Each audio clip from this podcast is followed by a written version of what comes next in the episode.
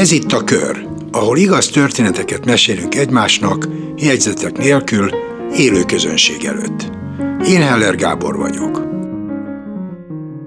Bot Emőke még joghallgatóként ébredt rá arra, hogy diploma után nem egy multinál szeretne jogtanácsosként dolgozni, vagy egy ügyvédi irodába betársulni, hanem úgy gondolta, hogy az ő élete akkor lesz teljes, ha másokat segít.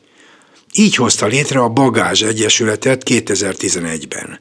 A nevét a Budapestről egy órányira lévő Bag nevű településről kapta, és az Egyesület fő célja, hogy segítse az ott élőket, hogy kikerüljenek a szegénység, a magasarányú bűnözés, kábítószer használat szorításából. Emőke története is Bagon játszódik. A történetem az Bagon játszódik, érdekes módon, a Bagi cigány telepen, 2013-ban.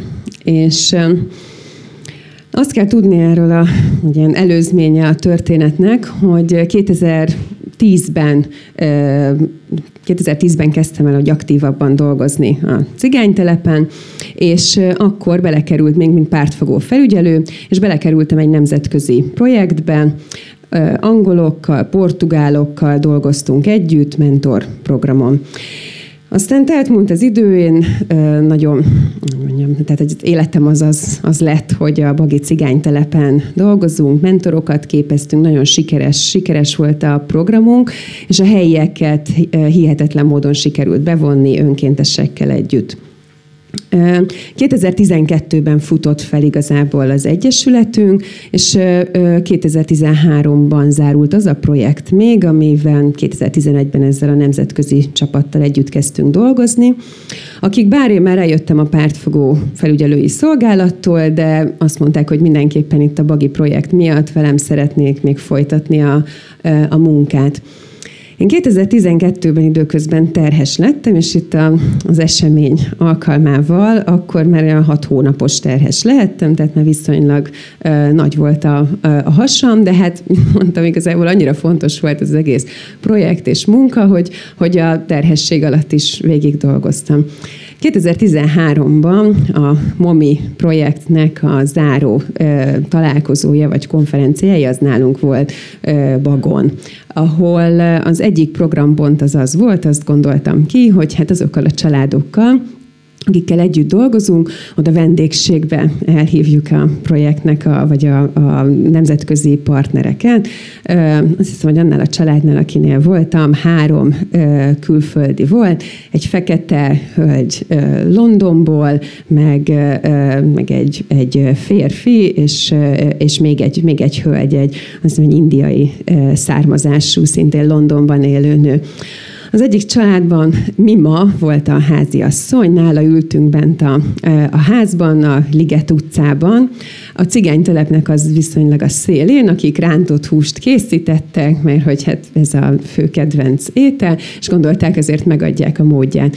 Bementünk, vendégségbe beszélgettünk, ott voltak a nemzetközi partnerek, mi is pár kollégámmal, illetve a helyi kollégám, aki szintén abban a házban lakott egyébként. Beszélgetünk, beszélgetünk, egyszer csak arra lettünk figyelmesek, hogy kint nagy kiabálás zajlik. Hát kimegyünk, kirohanunk az ajtó elé, és azt látjuk, hogy a kapu előtt áll egy, egy fiú, aki egyébként korábban nekem pártfogoltam volt, még 19 éves korában, Dávid. Dávid kicsit illuminált állapotban áll a kapu előtt, és egy kapával, kapát dob be éppen a kertbe, az udvarba. Nyilván hatalmas ijegység, úristen, mi van? Helyiek mondják, hogy az azonnal szaladjunk be a házba, a biztonságba legyünk mindannyian. Hát én mondom, hogy de hát valamit mégiscsak azért itt tenni kéne, csak nem nézzük ezt, ne, ne, ne, avat, ne avatkozzunk ebbe bele, majd vége lesz, el fog múlni. Hát mondom, jól van, jól van, megyünk újra, nézzük, hogy mi történik. Nyilván közben egyre többen gyűlnek oda, jönnek be a házba, nézik az eseményeket, a kiabálás az folytatódik, és elkezd, elkezdődik egy fenyegetőzés, hogy, hogy akkor mi lesz. Hát én is gondoltam, hogy kimegyek, hiába tartottak vissza, és mondtam neki, hogy hát állj, tehát ezt ne, ne, ne csinálja, mert, mert, mert, hogy mi lesz ennek a következménye, de azért ő csak át. Majd egyszer csak megérkeztek ő, és megérkezett az apja, Lajos, aki egyébként a helyi egyik kábítószerkereskedő volt, aki akivel előtte kifejezetten, hát úgy tudtam, hogy tudtuk egymásról, hogy, hogy kik vagyunk, de hát, hát azért úgy nem nagyon volt semmi konfrontáció. És megérkeztek egy hatalmas macsétával. Előtte nem tudtam, hogy ez micsoda őszintén szólva, de akkor ezzel megérkeztek, majd Dávid elkezdett fenyegetőzni, hogy már mi is, és majd az önkénteseinkkel mi fog történni. Hát én gondoltam magamban, hogy hát ezért ezt csak nem lehet már hagyni, így érintettek vagyunk a helyzetben, nincs igazából veszteni való, valamit mégiscsak tenni kell, nem lehet az, hogy bezárkózzunk a házba, mert hát példát kell, példát kell mutatni, itt tulajdonképpen egy bűncselekmény történt. Fogtam magam, kihívtam a rendőrséget, akkor megbeszéltem a helyiekkel is, hogy rendben hívjam a rendőrséget. Hívtam a rendőrséget, akik mire megérkeztek, autóval megálltak a ház előtt, mindenki a házban. Gondoltam, hogy hát én végül is nincs sok veszteni való, úgyis hamarosan szülni fogok, tehát nagy baj nem lehet, legfeljebb, ha valami konfliktus van, akkor nem jövök többet a telepre egy ideig. Kimegyek a ház elé, egyedül az utcára, ugye homokos, homokos egyébként az utca, mert ugye természetesen cigánytelepen nincsen leaszfaltozva az út, megáll a rendőrautó, kinéznek, addigra már elmentek a, az érintettek, kinéznek, mondtam, hogy hát mi történt, hogy ö, szeretnék feljelentést tenni. Hát itt nem történt bűncselekmény. Hát mondom, ne vicceljem el velem, mégiscsak jogász vagyok. Hogy ne történt volna bűncselekmény, ez egy egyértelműen garázdaság történt, végig néztem, én nagyon megijedtem attól, ami történt, tehát szeretnék feljelentést tenni. Vitáztunk, vitáztunk, akkor elindult, meg oda ment hozzájuk el, oda hívta Lajost közben. Innen újra a rendőrautó körül kialakult egy nagyobb tömeg, akik végignézték, hogy mi történik, szóváltás köztünk, hogy már pedig én feljelentést fogok tenni, miért avatkozom bele, akkor is megteszem, mire sikerült nagy nehezen a rendőrt rávennem arra, hogy hajlandó legyen felvenni a feljelentésemet. Beültünk az autóba, elvitt engem a szódra, és közben persze próbált lebeszélni, hogy hát én miért nem inkább otthon vagyok, ha látja, hogy terhes vagyok, mit kell nekem ilyesmikkel foglalkoznom. Mondtam, hogy azzal ő ne foglalkozzon, én mindenképpen feljelentést szeretnék tenni. Elmentünk a rendőrségre, megtettem a feljelentést, el is indult csodák módjára az eljárás, azért elég sokat kellett közbe telefonálgatni a rendőrkapitányságra, hogy azért biztosan lehetőség szerint induljon el az eljárás, és hát a történet, történet miatt, vagy hát a feljelentésnek, hál' Istennek lett következménye, és mind a kettőjüket előzetes letartóztatásba helyezték. Ami igazából egy nagyon nagy csoda volt, mert általában a cigánytelepen nem szoktak eljárni a rendőrök. És én annyira azt éreztem, hogy hát ez egy hihetetlen történet, mert hogy, hogy ezt a gyerekek, a felnőttek nap mint nap végig nézik ezeket a történeteket, és hát mi más csinálhatnánk ott, ha már egyébként itt dolgozom évek óta, mint hogy beleállunk egy ilyen helyzetbe. Hát elindultak ugye a tanúkihallgatások, megbesz, rábeszéltünk több embert is, hogy hajlandó legyen tanúvallomást tenni és fel is mondtuk, hogy hát azért védett tanúk szeretnénk lenni, lehetőség szerint ne tudják meg az adatainkat, hogy hol lakunk, mert hát nyilván lehetett tudni. De hát mindegy. Tehát múlt az idő, megszületett közben a kislányom, na behívtak egyszer csak a bírósági kihallgatásra az ügyel kapcsolatban. Kicsit szorongtam tőle, igazából az összes kollégám kicsit szorongott, hogy mi lesz, amikor kiengedik Lajost. Mindig, amikor a hosszabbítása volt az előzetes letartóztatásnak, akkor azért volt egy kis ijegység, terveket szőttünk, hogy na majd, hogyha kijön, akkor mégis arra hogy fogunk reagálni, akkor az önkénteseket azokat hívjuk el a telepről, vagy mehetnek, mennyire vannak biztonságban. És hát az volt, hogy elmentem a gödöllői ö, ö, bíróságra, ott volt a kihallgatás, mint mondtam, ugye kértem azt, hogy az adataimat lehetőleg titkosan kezeljék. Ehhez képest mentünk a terembe, és le, leültünk, én is, mellettem ült Lajos, mögöttem, mögöttem állt pár, pár ö, ö, ember, akik szintén kérték volna azt, hogy ö, védett tanúk legyenek, és hát elindult a kihallgatás vagy hát ott a, a, a tárgyalás, ahol tulajdonképpen az volt a, a fő gondolat, hogy, hogy hát itt valóban bűncselekmény történt, mert hát egy ilyen budai lány, bár mondtam, hogy nem budai vagyok, de mindegy, de hogy egy budai lány végignézett egy ilyet, úgyhogy hát ez tényleg valóban sokkoló lehetett számára. De megkérdezte a, a Mimát, Mima is ugye, aki a rántott húst készítette pár hónappal ezelőtt, megkérdezte tőle is, hogy hát mi történt.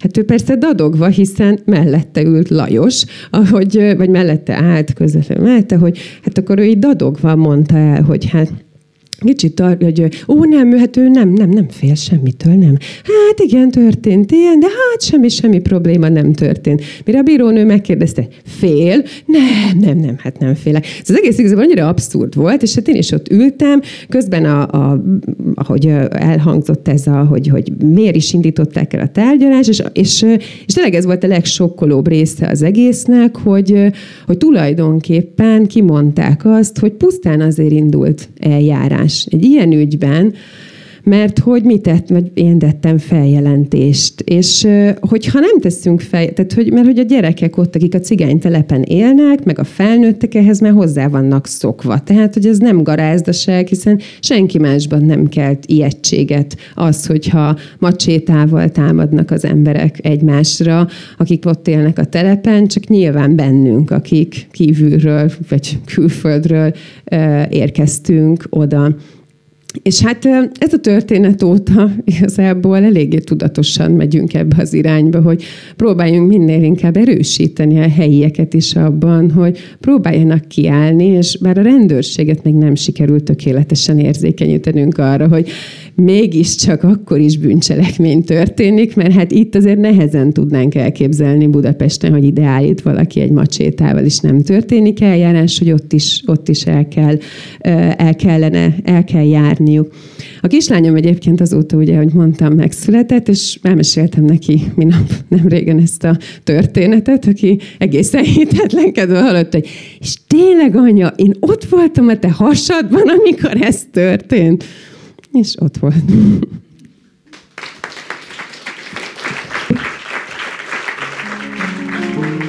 Bot Emőke vezetésével a bagázs egy komplex, többszintű, közösségi megközelítéssel segít a helyi romáknak. Nem adományoznak, hanem közösen keresnek megoldásokat a problémákra. Évente közel száz önkéntest képeznek ki, és vonnak be a munkába.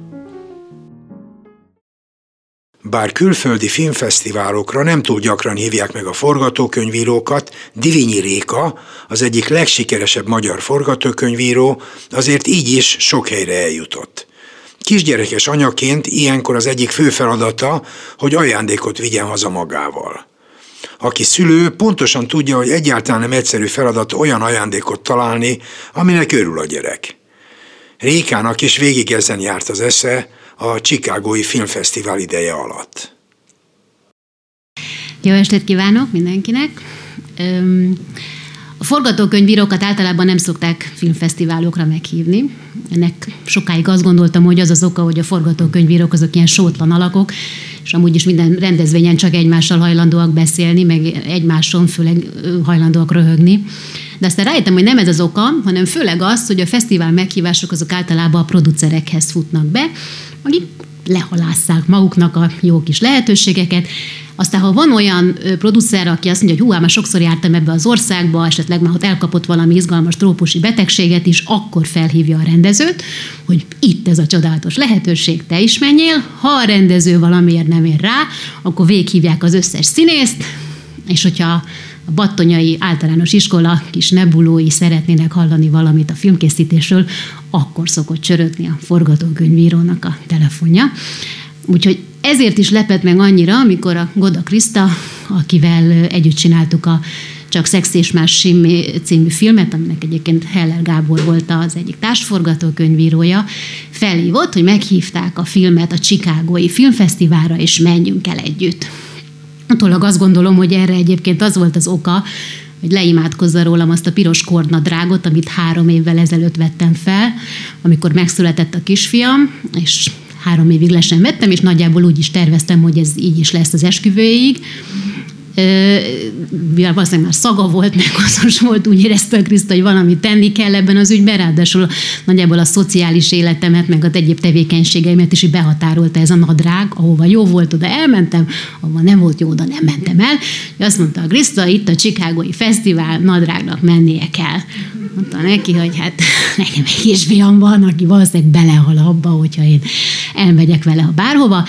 Azt mondta Kriszta, hogy ő megosztja velem a szállodai szobáját, kísír egy jegyet a producerektől, és belökte a legnagyobb hírt, hogy fogunk találkozni a Spike Lee-vel. És mondta neki, nem mondott komolyan a Spike Lee-vel. Igen, a Spike Lee-vel, akivel össze fogunk haverkodni, látja, hogy mennyire tehetségesek vagyunk, mennyire okosak vagyunk, és majdnem tuti biztos, hogy el fog indulni a hollywoodi karrierünk.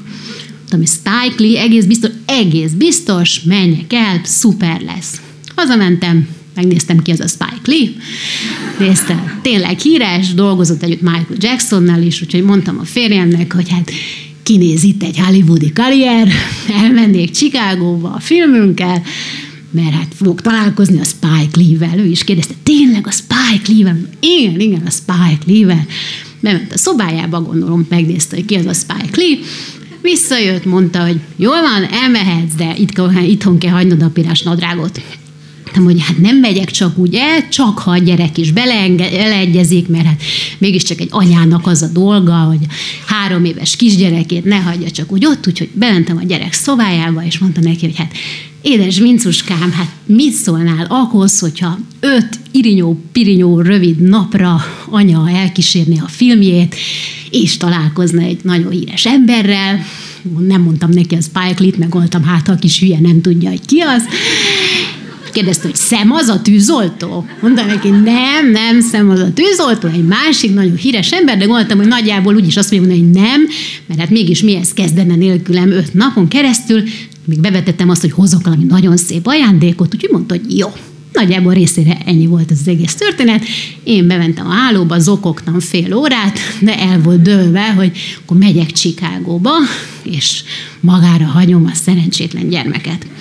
Hogy ott álltam egy héttel később a repülőtéren, táskámban nem volt a kornadrágot, volt a meghódítom Amerikát szett, kinyomtattam Spike Lee-nek az életrajzát, betettem az oldalzsebbe, hogy felkészüljek belőle, és gondoltam, hogy semmi nem állhat az utunkba.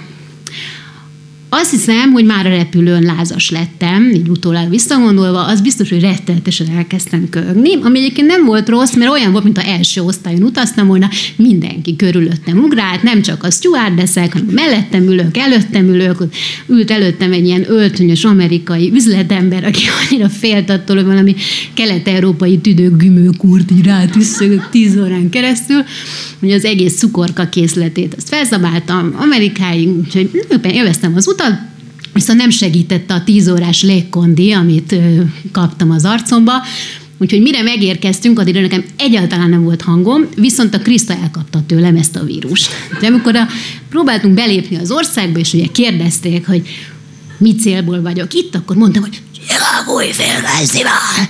Furcsa mondani, egyébként beengedtek. Lehet, hogy úgy gondolta a tisztviselő, hogy Amerikának már úgyis annyi, egy ilyen halálos vírus tulajdonképpen már nem árthat neki sokat. Úgyhogy elvergődtünk valahogy a Krisztával a szállodáig, akkor kiderült, hogy az ő kétszemélyes szuper szállodai szobája, az tulajdonképpen egy gyufás katuja méret, és a két személyes, az azt jelenti, hogy van egy másfél személyes francia ágy, amit nekünk osztoznunk kell. És amikor mesélem ezt a sztorit, akkor általában itt meg szoktak kérni, hogy egy kicsit ecseteljem, hogy ez hogy zajlott kettőnk között, különösen a férfiak. Mondanék pár részletet róla. Én próbáltam visszatartani a lélegzetemet, hogy a Kriszta tudjon aludni, és ne köhögjek. Egy idő után, amikor majdnem megfulladtam, akkor kimentem a fürdőszobába, és köhögtem jól, boldogan 10 percet, aztán visszamásztam az ágyba.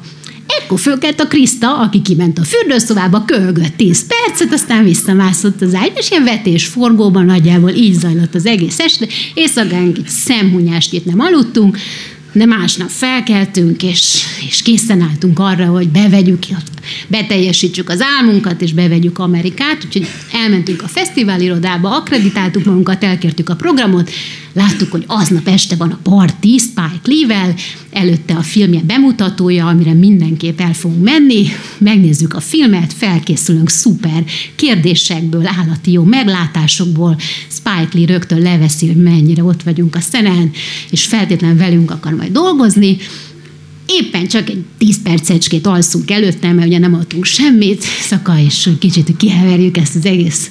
Ezt ja, vettünk egy csomó fed, lázcsillapítót, meg köhögéscsillapítót, amivel felturboztuk magunkat. Mondom, csak egy átaludtuk persze az egész filmen. egyáltalán nem, de, de nincs veszve, a parti az még mindig ott van, rettetesen kirigyegettünk rajtam három év óta először volt magas sarkú cipő, miniszoknya, blúzocska, megadtuk a módját, kiléptünk a szállodából, és kiderült, hogy leesett a hó. Ekkor október volt, nekünk a legvastagabb ruhánk az egy farmer Jackie volt, jégpálya volt gyakorlatilag az egész város, úgyhogy egymásba kapaszkodva annyit tudtunk elérni, hogy elcsúszkáltunk az első üzletig, ahol valami embertelen színű, borzalmas műszálas garbót vettünk, meg sapkát, meg sálat, meg valami bakancsot, amiben egyáltalán lehet közlekedni. És így mentünk el Spike Lee-vel a fogadásra, félig elázva, rettenetesen taknyosan, a tüdőnket kiköhögve, és nagyjából olyan szerelésben, mint ha épp most jöttünk volna az üdvhadseregtől. A fesztivál igazgatója kedves volt, ettől függetlenül oda kísért a Spike Lee-hez, aki nagyon kedvesen nyújtotta a kezét, mondta, hogy very nice to meet you, mire én annyit tudtam neki mondani, hogy hello! Nem lett belőle hosszú távú munkakapcsolat, tulajdonképpen semmilyen kapcsolat nem lett belőle, Úgyhogy egy csalódásra már is több volt, de azt mondjuk a Krisztával nem csüggedünk, hanem a maradék négy nap alatt tulajdonképpen bevesszük ezt a város, beszívjuk magunkba az összes kulturális értéket, építészet, de itt kiderült a Kriszta nagyjából négy napos shoppingolásra gondolt ez alatt, én pedig négy napos játékboltba való járásról, mert úgy éreztem, hogy hát az otthon hagyott gyermeket, azt valahogy muszáj kompenzálnom, már csak azért is, mert amikor este fölhívtam, és mondtam, hogy Szervusz, Vince! Nem sokára megyek hozzád! Akkor éreztem némi távolságtartást, és úgy éreztem, hogy valami nagyon ütőssel kell hazaérkeznem, hogy, hogy ezt egy kicsit kompenzáljam ezt a helyzetet. Úgyhogy elkezdtem ezerrel ajándékokat keresni. Az első, amit találtam, az egy szuper tűzoltó jelmez volt, volt hozzá kalap, meg ilyen porral oltó palac, minden voltam, ez szuper, mert ha már Spike Lee nem tudom elsütni, még mindig mondhatom, hogy találkoztam szemmel a tűzoltóval, baromi drága volt, de azt rögtön megvettem, de a Non Plus Ultra, amit találtam egy játékboltba, az egy gyerekeknek való felmosó készlet volt. Nem tudom, hogy kinek milyen tapasztalatai vannak a kisgyerekekkel, az enyém kicsi korába rajongott a takarításért. Konkrétan az első szavai egyike a domestos volt, a másik pedig a vízkőoldó. Egészen hisztérikus reakciókat váltott ki időnként a vegyi áruboltban, mikor ezt megcsillogtatta, és én még embert nem láttam olyan áhítattal szorítani a felmosó vödröt a WC-be, ahogy ő ezt tette, és mindig könyörgött, hogy hagy mosson föl, hagy mosson föl. Először örültünk, hogy ez így alakult, aztán megláttuk az eredményét, akkor már nem örültünk annyira. De lényeg a lényeg, hogy imádott takarítani, és hát azt gondoltam, hogy ez tökéletesen neki való ajándék lesz, egy kicsike vödör, egy kicsike csavaróval, egy kicsike felmosófával. Mondta a Kriszta, hogy neked csak kicsike bőröndöd van, de egyáltalán nem érdekelt. Megvettem a felmosó cuccot, és nekiálltam bepasszírozni a bőrönbe. Nyilvánvalóan nem fért be, Úgyhogy az összes cuccomat átraktam a Kriszta bőröngyébe, aki roppant lelkesen reagált erre a felvetésre, tehát, és valahogy ügye bajjal a vödröt, meg a tűzoltó felszerelést, azt bepasszíroztam az enyémbe, eltörött a csatja, szétrepett az oldala, sem probléma nem volt, viszont a maga a fa, az túl hosszú volt, az egyszerűen nem fért be se így, se úgy, Úgyhogy el kellett mennem, majdnem lekéstem a repülőt, még vettem valami csomagolópapírt, meg celluxot, meg nem tudom, iszonyatosan becsomagoltam, és egy ilyen hosszú rudat csaptam a honom alá, így mentem a repülőtérre. Föladtam a bőröndömet, és oda tettem a rudat a check-in point elé, mikor is kérdezte a hölgy, hogy ez mi? Mondtam neki, felmosófa. Nézett rám döbbentem, bólogattam, biztatóan, felmosófa. A mai napig nem tudom, mit gondolhatott, hogy mi az Istenért akar valaki egy felmosófát Csikágóból Magyarországra röpíteni, és valószínűleg hasonlóan dilemma elé állíthattam azt is, aki a bőröndömet nézte meg, amiben egy tűzoltó felszerelés és egy felmosó vödör volt bemaszírozva, gyakorlatilag semmi más. De mégiscsak, mint kiderült, a felmosó fa volt az, ami igazán kiverte a biztosítékot. Ugye tudni kell, hogy ez körülbelül olyan 2006-2007 tájékán történt, tehát hogy már a 9-11-es események után voltunk, amikor is nagyon megszigorították a, a reptéri ellenőrzéseket, és már fönültünk a repülőgépen, vártam rettenetesen, hogy végre hazaérjek, 10 perc, nem száll föl a gép, 20 percet várunk, nem száll föl a gép, eltelik fél óra, nem száll föl a gép. Bemondja a pilóta, hogy biztonsági okok miatt várakozunk a kifotón. Ki az az idióta, aki biztonsági okok miatt feltart engem, aki a gyerekemhez akarok menni, akkor is kinézek a repülőnek az ablakán, és látom, hogy jön az a kis fehér autó, sárga villogóval, kiugrik bele egy pasas, és fogja a felmosófámat, amivel oda a stewardesshez, aki valahol elhelyezi a gépbe. Tehát, hogy valószínűleg ez egy ilyen biztonságtechnikai kihívás elé állította a, a csikágoi repteret, hogy ez teljesen kizárt, hogy valaki tényleg egy felmosófával akar utazni, itt biztos valamilyen furmányos megoldás van arra, hogy részt üssenek a biztonsági rendszeren, de végül is nem találtak semmit. Viszontagságos út után végre hazaérkeztem, összes csomagommal együtt, és gondoltam, hogy na, visszaszerzem a gyerekem szeretetét, odaadtam a csodálatos ajándékokat, a bőrömből, a tűzoltó felszerelést, sapkát, a tűzoltó palackot, kis felmosóvödröt, és hát ugye jött a csúcs, a külön becsomagolt csodálatos hosszú rúd, a felmosófal, kibontottam a csomagolást, és el volt törve.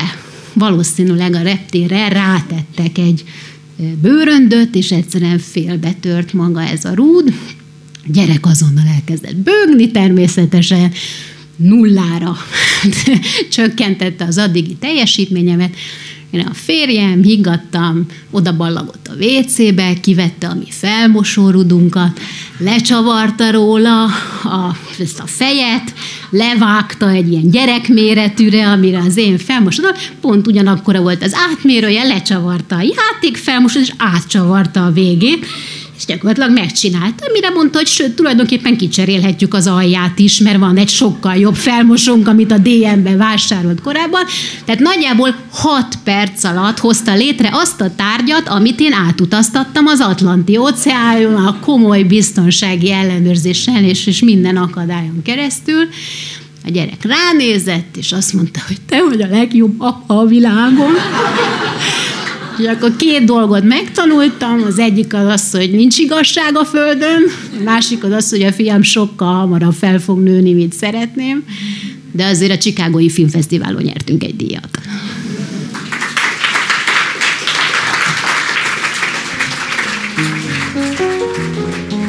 Divinyi Réka az egyik legismertebb, legfoglalkoztatottabb forgatókönyvíró, aki sokat tett azért, hogy ismét népszerű legyen a magyar mozi. Olyan nagy sikerű filmeknek volt a forgatókönyvírója, mint a Csak szex és más semmi, Szabadság szerelem, Valami Amerika 2, Bujék, és olyan népszerű tévésorozatokban dolgozott, mint a Társasjáték és a Csak színház és más semmi. Továbbra is keressük a jó történeteket. Ha önnek is van olyan története, amelynek van tétje, és szívesen elmesélni a körben, élő közönség előtt, akkor küldjön üzenetet az info.kukac igaztörténetek.hu e-mail címre. Írja le röviden a történetét és néhány mondatot saját magáról is. Nagyon várjuk a találkozást. A kör témazenéjét Gerlóci Zsigmond szerezte és játsza.